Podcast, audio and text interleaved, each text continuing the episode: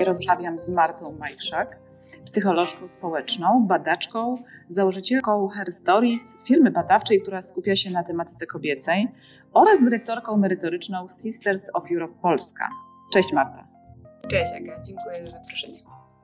Będziemy rozmawiać o roli kobiet, o, o, o, w ogóle roli płci y, w dzisiejszym świecie. Mm, I po, pogadamy, jak się odnajdują dziewczynki, jak możemy wesprzeć dziewczynki, ale też chłopców, jak możemy wesprzeć w dzisiejszym świecie, żeby dziewczynkom się żyło lepiej. Y, w międzynarodowym badaniu Ipsos, przeprowadzonym w 27 krajach na świecie, większość ludzi jest w tej kwestii zgodna. Bycie mężczyzną ma więcej zalet niż bycie kobietą. I w tym badaniu Polska plasuje się w grupie krajów najbardziej konserwatywnych, jeśli chodzi o poglądy w zakresie równouprawnienia płci. Badanie było zrobione w 2019 roku, w marcu zdaje się opublikowano te wyniki badań. E, natomiast ja sądzę, że się nic w tej kwestii nie zmieniło albo bardzo mało się zmieniło. Co ty na ten temat myślisz, Marta? E, myślę, że na szczęście te zmiany mm, są widoczne.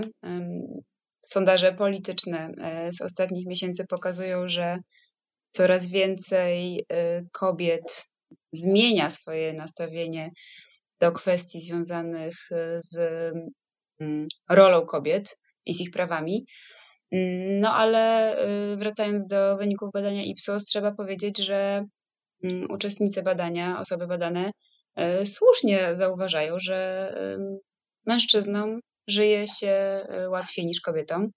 Ja będę chciała dzisiaj opowiedzieć Ci o tym, w jaki sposób dziewczynki w Polsce, dziewczynki na świecie są socjalizowane do tej trudnej e, kobiecej roli i co możemy zrobić, żeby, żeby odwrócić mm, te trendy wychowawcze, mm, edukacyjne, co możemy zrobić, żeby pomóc dziewczynkom, mm, żeby żyło im się trochę łatwiej. Bo mamy takie stereotypy. Ona pilna, ale mniej inteligentna niż on. Tak. Y, ona gorsza z matury, z matmy, przepraszam, niż on. Y, ona jest mniej kompetentna cyfrowo niż on. I teraz y, tylko ładne one odniosą sukces. Tak jest, więc widzisz, e, te stereotypy są e, z różnych porządków, wszystkie bardzo bolesne.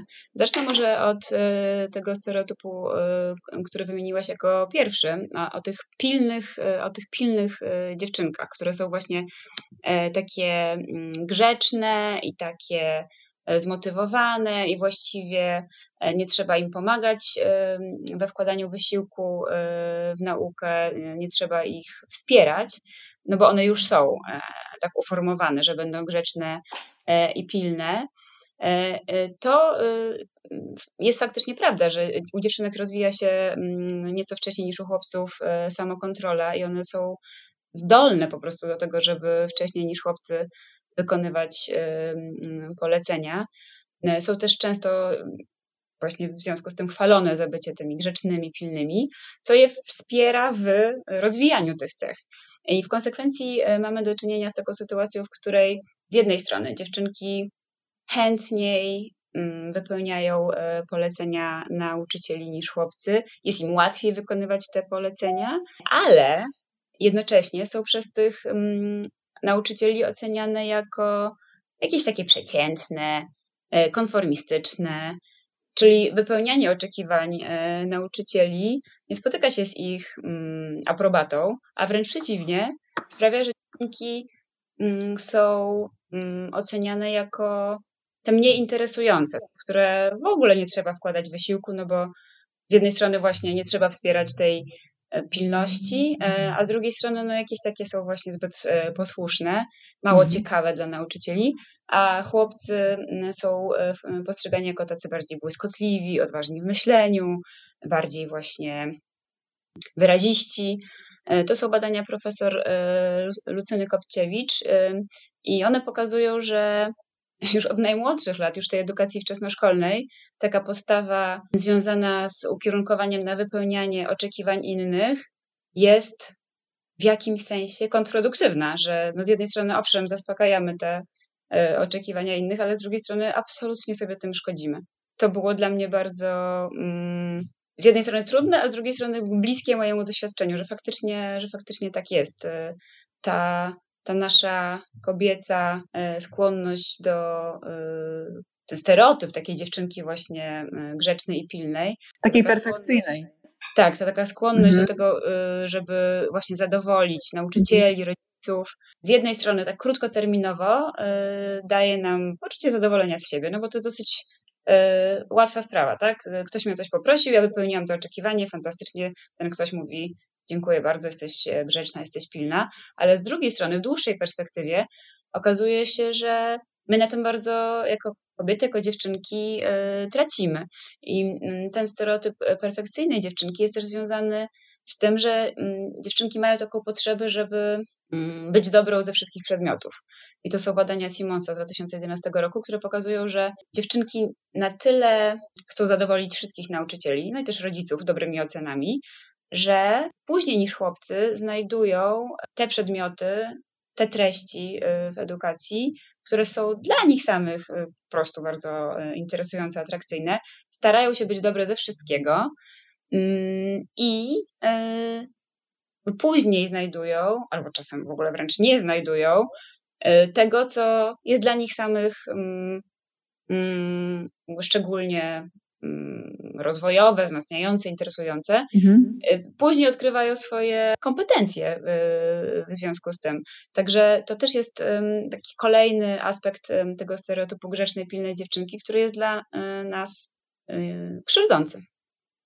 Tak, bo no, nie wiem, czy to z tych badań wynika, o których wspominałaś, ale y, mówi się, że chłopcy koncentrują się na tym, co ich interesuje też, że dziewczynki chcą być doskonałe w każdej dziedzinie, tak jak powiedziałaś, Y, a, a chłopcy no, rozwijają się w tym, w czym są już dobrzy na początku. Tak, i musimy sobie zdać sprawę, mm. że to wynika z tego, że oni nie przejmują się tym, że ktoś mm. będzie niezadowolony, że nauczyciel, czy mniej może przejmują się, w zależności oczywiście od jednostki. Natomiast e, u dziewczynek jest tak, że naprawdę zależy im na e, tej opinii, na, na tym, żeby każdy był z nich zadowolony i nauczyciel, i rodzic, w związku z czym e, jest im trudniej jakby odciąć te przedmioty, te treści, y, które są dla nich po prostu mniej interesujące. One przez ten perfekcjonizm, który jest y, w nas poprzez socjalizację zaszczepiony, no, po prostu nie będziemy umiały y, powiedzieć sobie, dobrze, z tego nie muszę mieć piątki, czwórki, tutaj spokojnie mi wystarczy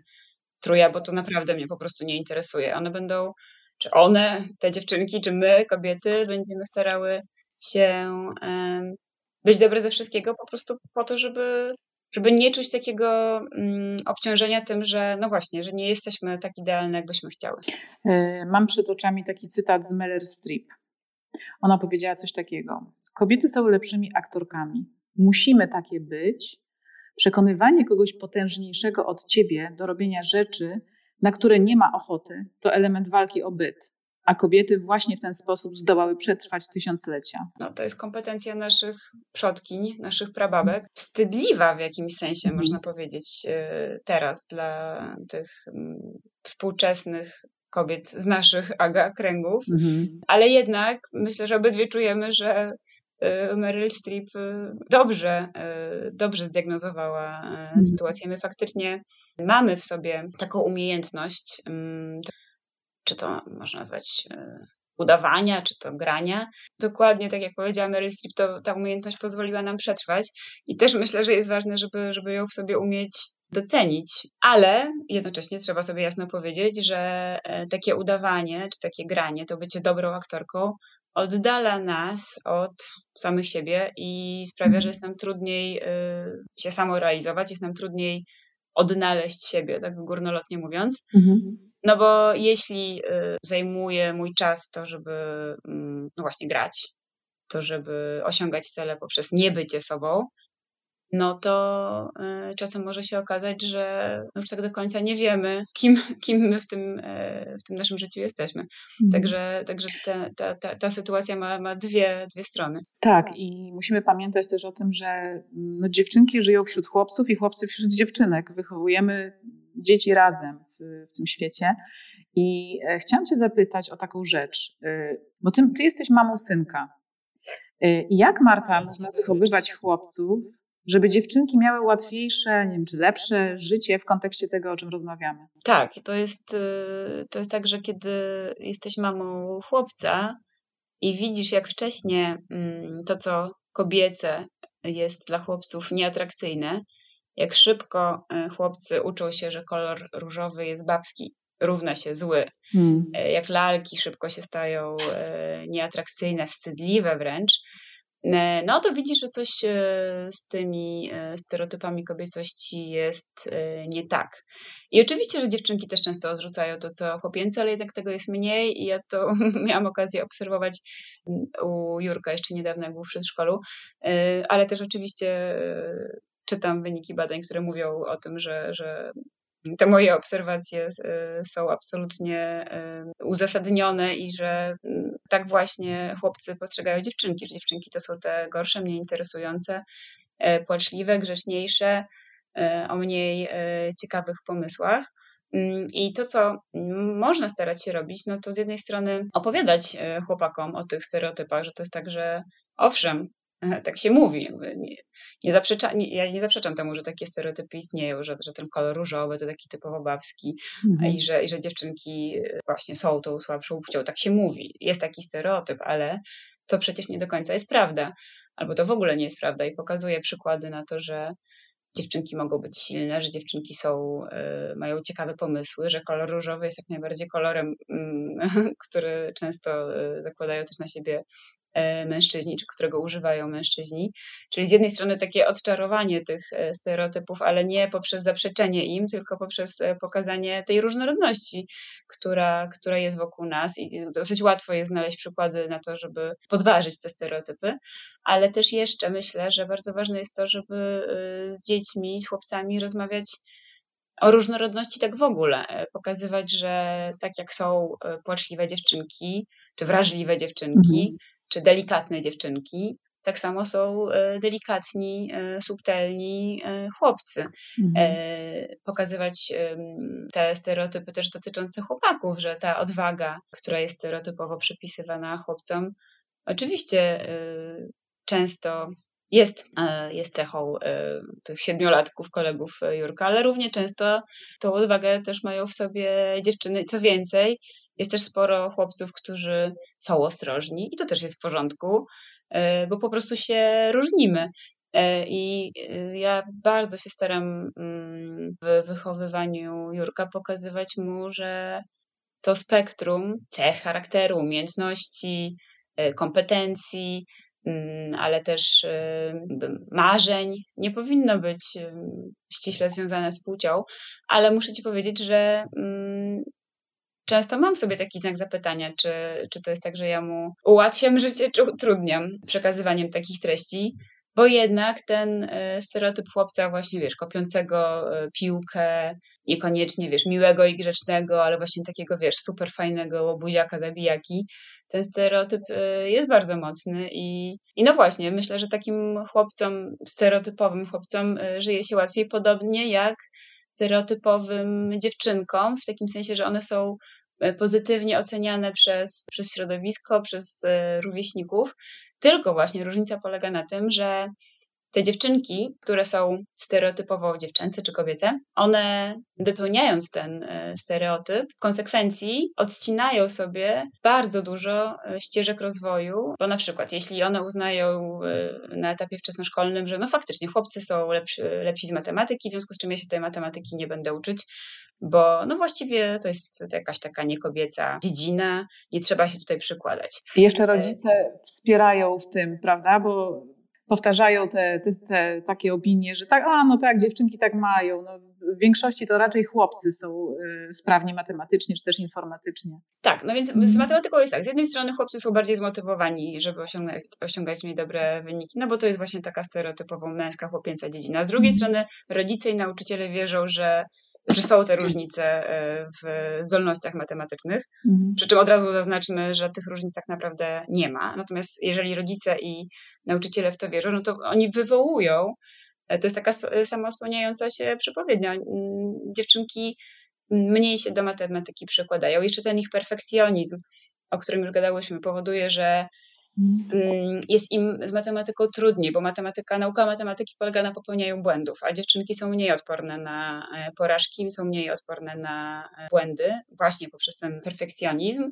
E, w związku z czym dość szybko, a nawet powiedziałabym drastycznie szybko, one tracą możliwość bycia dobrymi z matematyki, no bo wiadomo, że z matematyką jest tak, że jak nie nauczysz się tych podstaw porządnie, no to potem e, właściwie masz odciętą już możliwość e, rozwoju.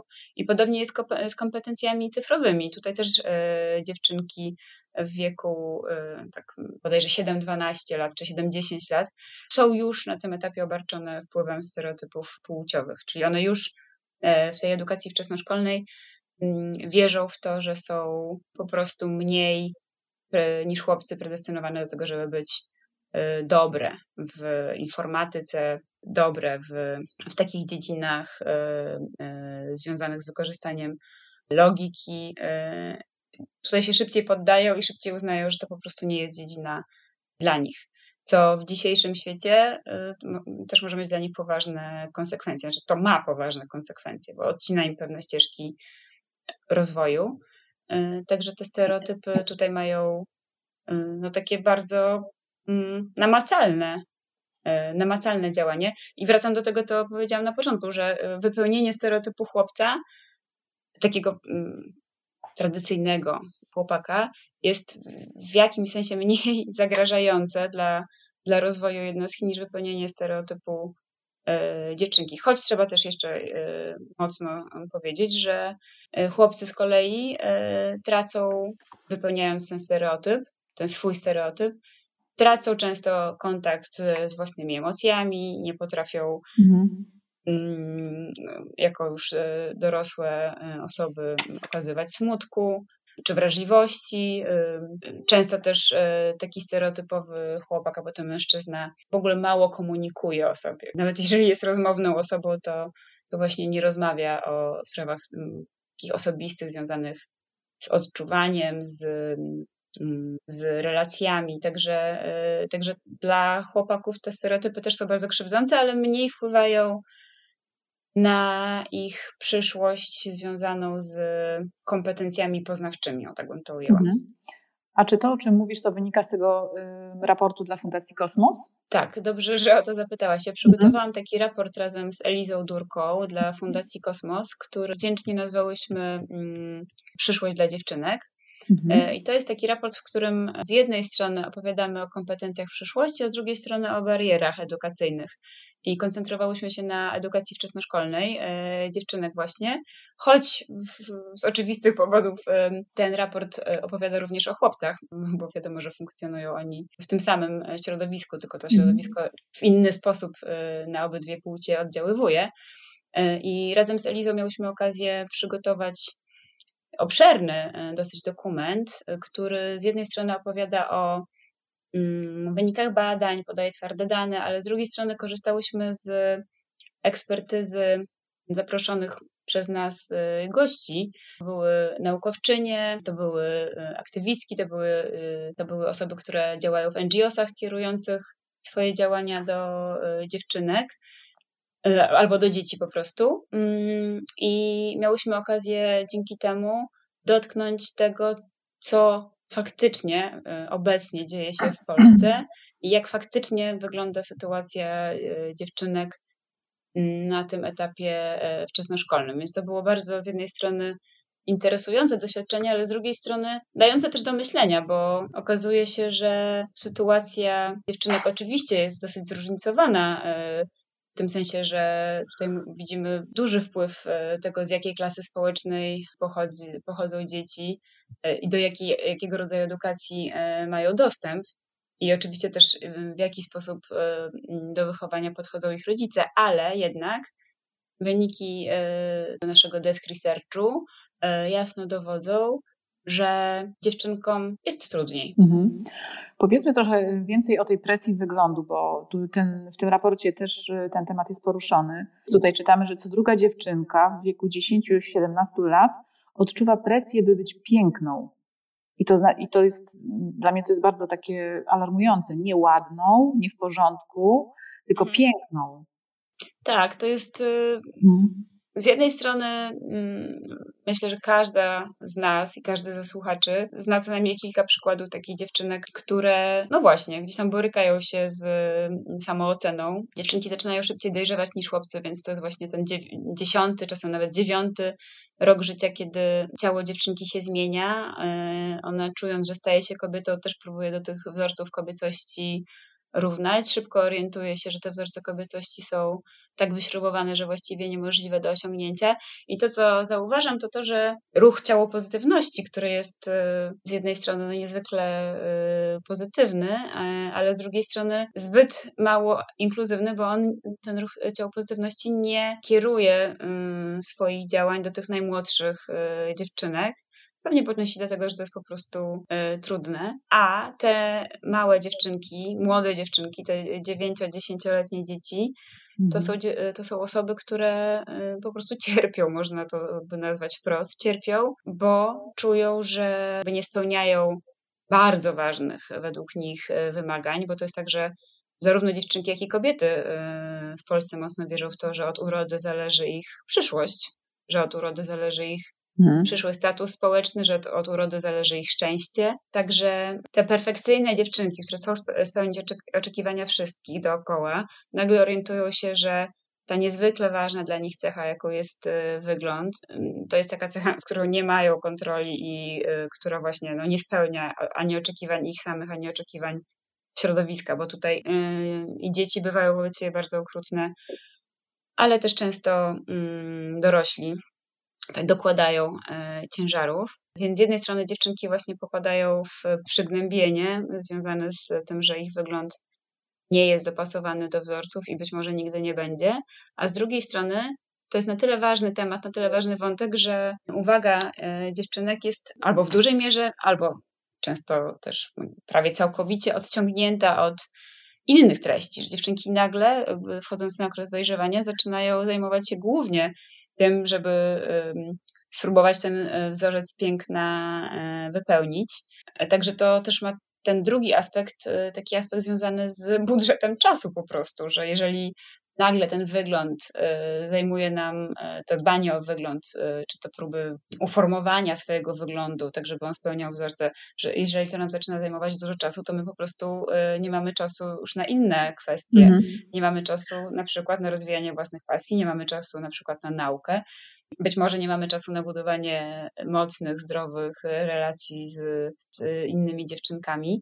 Zaczynamy też konkurować z nimi. Tutaj też często zaczynają się te problemy z siostrzeństwem, z, z mhm.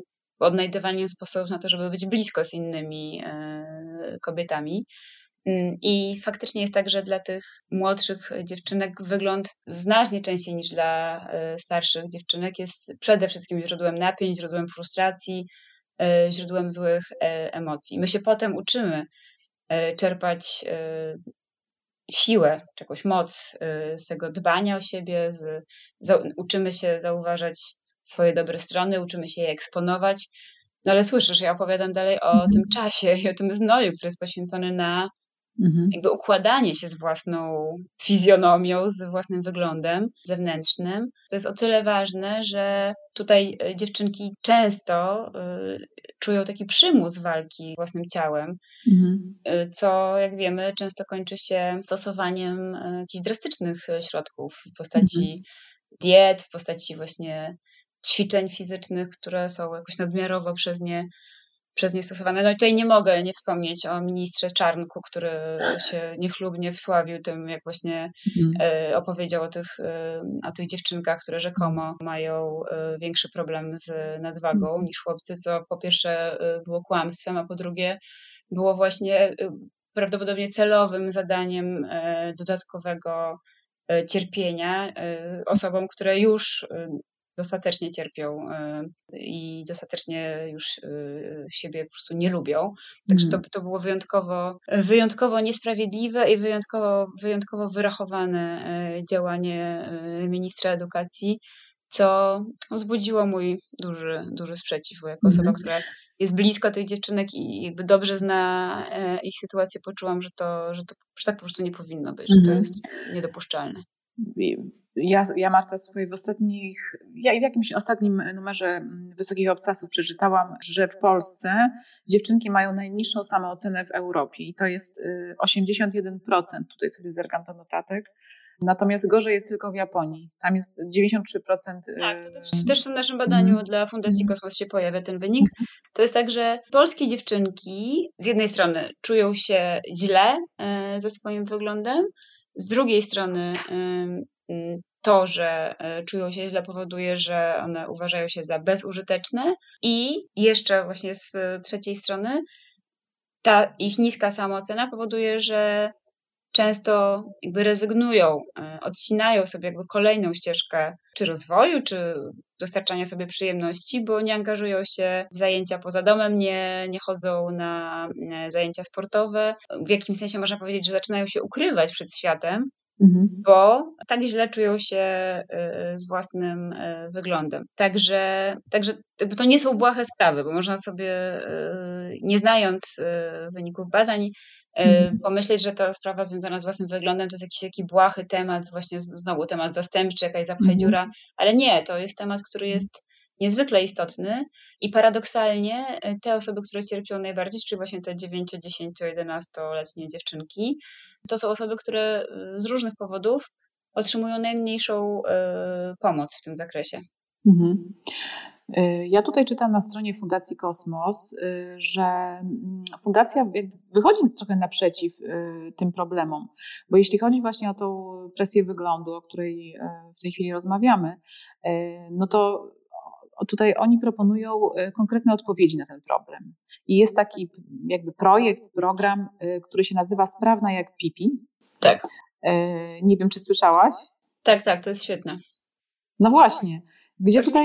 Żeby było jasne, przepraszam Ci przerwę, ale no. żeby było jasne, jest coraz więcej organizacji, podmiotów, które mhm. kierują um, uwagę na mhm. dziewczynki w tym wieku i to jest właśnie między innymi Fundacja Kosmos, mhm. e, która e, fantastycznie działa, e, właśnie między innymi pokazując e, ciało jako nasz dom, który ma być po prostu mhm. sprawny i z którego możemy czerpać przyjemność i z którego należy wręcz czerpać mhm. przyjemność. I ten ruch właśnie e, próbują pokazać jako e, tak właśnie idąc tropem Pipi, która jak pamiętamy nosiła na swoich plecach konie i była niezwykle sprawną dziewczynką wspinającą się na czubek e, wysokich drzew. Właśnie pokazują ten ruch jako pewnego rodzaju supermoc, którą warto zdobywać i o którą warto dbać, ale jest też fantastyczny blog i konto na Instagramie Jak wychowywać dziewczynki, który też mocno walczy ze stereotypami i pomaga rodzicom. Mm -hmm ale też mam nadzieję czytającym e, te treści nauczycielom zmieniać mm, mhm. tą rzeczywistość dla dziewczynek, zmieniać sposób, w jaki e, e, traktują dziewczynki i, i dzięki temu mm, no, zmieniać życie dziewczynek na plus. I jest jeszcze cały szereg innych podmiotów, które, które takie działania prowadzą, także szczęśliwie jest coraz więcej miejsc, gdzie te dziewczynki mogą znaleźć taką bezpieczną przestrzeń. Ale to, co ważne, to to, że raczej y, dziewczynki w państwowej edukacji się z takimi treściami nie stykają y, i jest im po prostu trudno. No to odejdźmy trochę od tej edukacji w ogóle, y, w szczególności publicznej. Dobra. I pogadajmy o aktywizmie. Czy ty uważasz, że aktywizm to może być też pewnego rodzaju mm, taki sposób na zmianę świata i właśnie zmianę świata postrzeganiu dziewczynek na świecie, ale też w zmienianiu tych stereotypów. Aktywizm jest olbrzymią e, siłą i ja nie jestem pewna, czy dobrze Cię zrozumiałam. Czy Ty pytasz o aktywizm e, jako propozycję dla tych młodych e, dziewczynek, czy mówisz o aktywizmie od nas dorosłych, kierowanym w stronę tych dziewczynek? Ja myślę, że to trzeba tak bardzo ogólnie na to popatrzeć i równolegle y, te działania powinny być y, wdrażane. Czyli my jako dorośli powinniśmy y, dawać przykład, nie wiem, dziewczynkom, chłopcom, tak, jak, jak, jak zmienić świat, żeby się lepiej żyło nam wszystkim, a w szczególności dziewczynkom, bo one najbardziej mają najtrudniej w tej chwili. I z mm. drugiej strony wspierać te, te młode, nie wiem, dziewczyny, żeby walczyły, dawać im siły, stać obok nich, chodzić z nimi na te protesty albo, nie wiem, Chociażby jak nie chcemy iść na protest, to malować transparenty, pomagać, rozmawiać z nimi. Ja uważam, że aktywizm, e, niezależnie od tego, mm, czy będziemy teraz mówić o tym, w jakim stopniu on jest skuteczny, w jakim stopniu on może zmieniać świat, ale samo angażowanie się e, w tematy, które są dla nas ważne, jest przyczynkiem do ogromnej zmiany wewnątrz nas samych. Więc myślę, że e, takie zachęcanie do aktywizmu, pokazywanie angażowania się jako kolejnej e, supermocy to jest bardzo ważny pomysł, szczególnie w obecnych realiach tutaj w Polsce. To też jest pewien sposób na to, żeby odzyskać choćby część e, kontroli, bo e, możemy pokazywać, e, czy właśnie zachęcać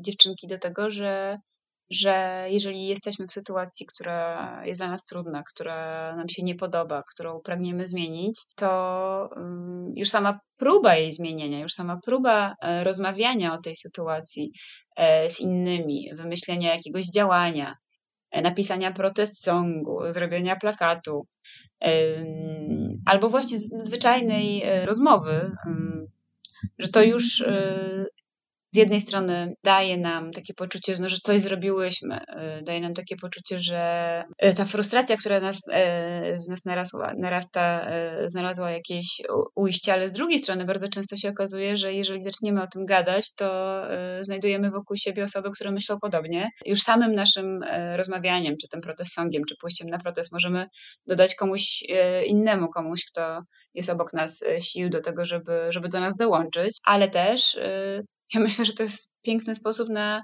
na zdobywanie przyjaciół i na odnajdywanie tego swojego plemienia, tego swoje, tej swojej grupy, tego, tego swojego tej swojej takiej e, jakby rodziny związanej wspólnymi wartościami, tak to można powiedzieć. Wydaje mi się, że to jest też właśnie niezwykle wartościowe społecznie, bo jeżeli są sprawy, w które bardzo wierzymy i którym się właśnie aktywistycznie e, będziemy oddawać w ten lub inny sposób, bo tutaj też te artystyczne środki wyrazu to mogą być te środki, które dla e, e, tych młodszych dziewczynek będą, będą bardzo fajne. Czyli tak jak mówiłam, e, czy to muzyka, czy to właśnie jakieś sztuki wizualne, to się może okazać, że, że my znajdziemy mm, dzięki temu, że się odważymy na właśnie wyrażenie tych ważnych dla nas treści, my znajdziemy osoby wokół nas, czy może dalej, osoby, które myślą podobnie nie ma nic piękniejszego niż spotkanie y, z osobami, które, które myślą podobnie na ważne tematy, na, na te tematy, które są, są dla nas istotne. Także zdecydowanie ten, ta zachęta do aktywizmu, pokazanie, że aktywizm jest karmiący, że aktywizm to jest taka forma działania, która no bardzo dużo daje. Y, to, to jest war, wartościowa sprawa, ale jednocześnie nie, nie, warto zapominać o tym, że mm, aktywizm też jest bardzo pochłaniający i i wypalający, także, mhm. i, y, także też pewnie zawsze warto też pokazywać tak, taki obszar y, zadbania o siebie w tym aktywizmie y, i jakoś opowiedzieć, obgadać te sprawy związane z takim poczuciem, no właśnie, wypalenia, takim zastanowieniem, czy warto na to poświęcać energię i czas, jakimiś rozczarowaniami z tym związanymi, e, czy właśnie poczuciem bycia negatywnie ocenioną, no i też e, z hejtem, który może, który może nas spotkać. Ja myślę, że my jako rodzice dosyć często Sama u siebie to widzę, choć jestem osobą bardzo zaangażowaną, zaangażowaną w, no, w aktywizm. Mhm. Działam w, w Radzie Konsultacyjnej Strajku Kobiet, chodzę na, chodzę na protesty kiedy tylko mogę, mm, ale też widzę, że jest we mnie jakaś taka e, chęć uchronienia Jurka przed no właśnie jakimiś negatywnymi reakcjami czy, czy przemocą choćby werbalną. Więc myślę, że to jest dla, dla każdego z, z, z rodziców taki temat, który... Znaczy, nie chciałabym, żeby z tej naszej rozmowy wybrzmiało, że, że to jest łatwe, taka zachęta do aktywizmu, bo ja wiem, że to nie jest wcale łatwe i myślę, że każdy musi jakoś jakby po swojemu to opracować i jakąś swoją ścieżkę y, tutaj y, obmyśleć. Aktywizm, szczególnie teraz i szczególnie w tematach związanych z prawami kobiet czy sytuacją kobiet, to jest temat, który jest po prostu trudny i tutaj, i tutaj warto się właśnie zastanowić nad tym, na co jesteśmy gotowi i też po prostu pogadać o tym z dzieckiem, tak żeby, żeby być bliżej y, jego opinii i jego, jego refleksji w tym, w tym temacie. Na przykład Jurek y, chodził ze mną na protesty, a teraz już, już y, nie chodzi. Rysuje plakaty, ja z nim o tym dużo rozmawiam, co się, co się w kraju dzieje, natomiast protesty go na tyle męczą, przestraszają, że na ten moment y, zrezygnował z uczestnictwa w nich. I ja to bardzo szanuję i też myślę, że, że tutaj trzeba się jakby też dostosować, dostosować y, do dziecka. Y, ja chcąc skomentować to, co powiedziałaś o aktywizmie, bo w dużej mierze się z Tobą oczywiście zgadzam, posłużę się takim cytatem z Rebeki Solnit, Nadzieja w mroku, z tej książki mhm, jeszcze wcześniejszej. Mhm. Ona napisała coś takiego, że aktywizm to nie wyprawa do sklepu za rogiem, to skok w nieznane. Przyszłość zawsze pogrążona jest w mroku. Ja myślę, że może mm, nie chciałabym tej rozmowy tak kończyć e, bardzo Nie, nie kończmy tak jeszcze powiesz, że to jest mhm. skok w nieznane i to jest ten mrok, ale z drugiej strony ja myślę, że nic innego nam nie pozostaje niż próbować skakać i tak pomalutku badać, gdzie my możemy skoczyć, na ile się mm. dobrze czujemy z daną wersją skoku, ale warto mm. w to nieznane iść i warto też pokazywać dzieciom, że e, jakby ten świat się nie zmieni, jeżeli my e, nie spróbujemy go zmienić. Według mnie, e, bez właśnie jakiegoś wyjścia, czy to w aktywizm, czy to w artystyczną formę wyrazu, my dalej nie dajemy im, tym dziewczynkom, jakiejś realnej możliwości, no wiesz, jakby zwe, zwentylowania tego, e, co się z nimi e, dzieje. I wręcz uważam, że wiesz, te setki lat odbierania kobietom głosu i wiesz, uciszania ich w jakimś sensie by tak skumulowały w nas tą, ten wkurw, mówiąc już wprost, e, że no po prostu należy się nam jako kobietom i należy się dziewczynkom taka możliwość, takie prawo e, wypowiedzenia tych e, e, naszych historii, naszych frustracji, naszych lęków. I ja, wiesz, tak osobiście, bo to nie są już żadne wyniki badań, tylko to jest po prostu o tym, co ja czuję. Aktywizm albo właśnie taki wprost praktykowany na ulicach, albo poprzez jakąś zaangażowaną sztukę, to jest no, w jakimś sensie lekarstwo, wiesz, że to jest jakieś takie lekarstwo, które nam jako kobietom pozwoli być blisko siebie, też pozwoli nam no właśnie znaleźć to grono ludzi, którzy docenią y, nasze środki wyrazu i gdzieś tam nas wesprą w taki niezwykle prawdziwy sposób. Ja to też i na pewno ty też czujesz to na protestach, że niezwykłą wartością jest to, że ty się czujesz po prostu u siebie, że to są ludzie, dla których są ważne te same kwestie i ty wiesz, że oczywiście może nas różnić cała masa spraw, ale w takim fundamencie y, to są po prostu bliscy, co myślę, że dla dziewczynek jest niezwykle istotne. Ja też widzę po córkach przyjaciół, że one że lgną do tych protestów. I ja mówię nie o takich, wiesz, starszych, tam typu 17-18 lat, tylko tych młodszych dziewczynkach, które naprawdę chcą tam być. I czują, że to jest ich sprawa, czują jakąś taką, wiesz, czują też dumę z tych matek, które chodzą. No, tam się zadziewa dużo bardzo dobrych rzeczy, ale też ja myślę, że to jest takie rozwiązanie, które wspiera siłę i moc dziewczynek, że to jest właśnie, że to jest sprawczość, że to jest sprawczość, która jest no, często jedyną dostępną nam sprawczością. Yy, i że trzeba to pielęgnować. Bardzo Ci dziękuję Marta za rozmowę. Wierzymy, że dziewczynki mają moc i potrzebują tylko odrobiny wsparcia od nas, żeby tę moc uwolnić.